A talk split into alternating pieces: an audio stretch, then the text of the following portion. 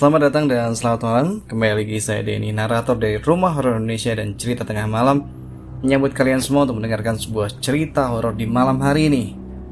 Cerita horor di malam hari ini berjudul Hantu Warnet.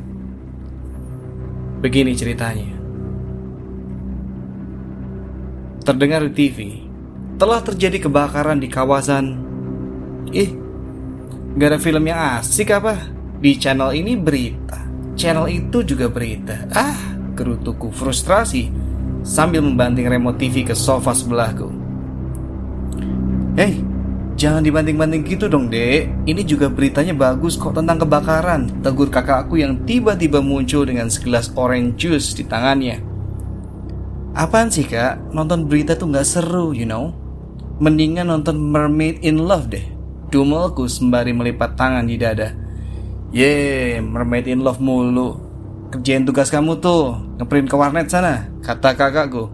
Membuatku teringat akan tugasku yang belum aku kerjakan.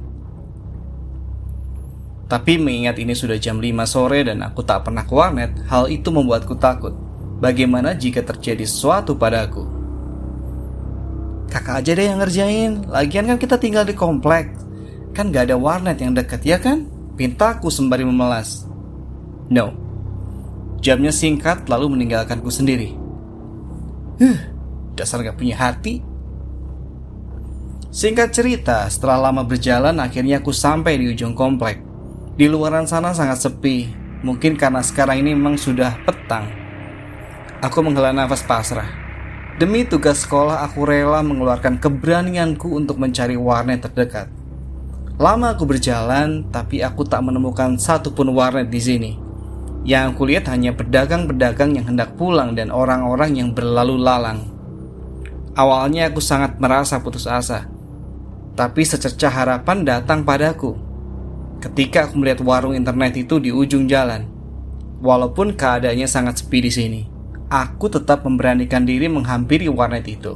Aku mulai masuk ke pekarangan rumah yang dijadikan warnet ini. Tampak sangat rapi dan bersih. Di dalam hanya ada seorang anak kecil dan si penjaga warnet. Namun anehnya, si anak kecil hanya menatap kosong ke arah komputer di depannya. Wajah mereka juga tampak pucat, membuat suasana menjadi mencekam. Aku mencoba menepis ketakutanku dan bertanya ke penjaga warnet. Bang, mau ngeprint dong?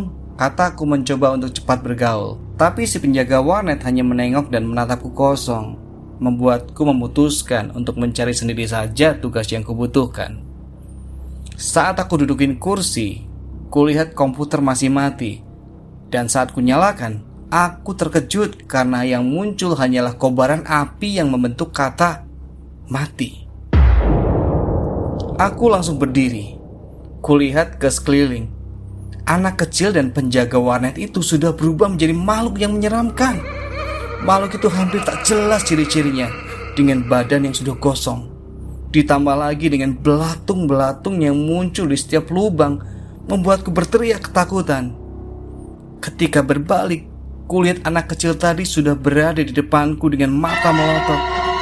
Dia langsung menekan jakun leherku sangat kencang, membuat nafasku tersengal-sengal hingga akhirnya aku tak sadarkan diri. Neng, Neng, bangun Neng. Terdengar suara orang yang kurasa memanggilku, membuatku terbangun. Aku terkejut saat melihat beberapa orang mengelilingiku.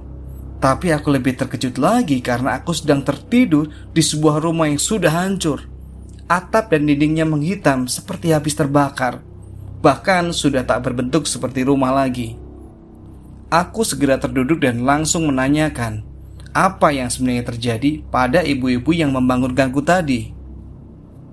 Loh, harusnya ibu yang bertanya, Neng ngapain tidur di sini? Warnet ini sudah hangus terbakar dua hari yang lalu. Neng gak nonton beritanya ya, ujar ibu itu membuatku terbengong-bengong. Lalu, siapa saja yang menjadi korban bu? Tanyaku. Ya penjaga warnetnya Neng, sama anak kecil gitu. Tapi si anak kecilnya ibu gak tahu siapa, jelas ibu itu. Seketika bulu kuduku merinding ketika melihat sosok anak kecil berwajah kosong itu ada di belakang ibu-ibu itu. Dan aku lebih terkejut saat melihat sosok penjaga warnetnya ada di samping. Oke teman-teman semuanya, itu cerita horor kita untuk malam hari ini. Terima kasih sudah mendengarkan sampai akhir. Sampai ketemu di cerita horor berikutnya. Selamat malam, selamat beristirahat.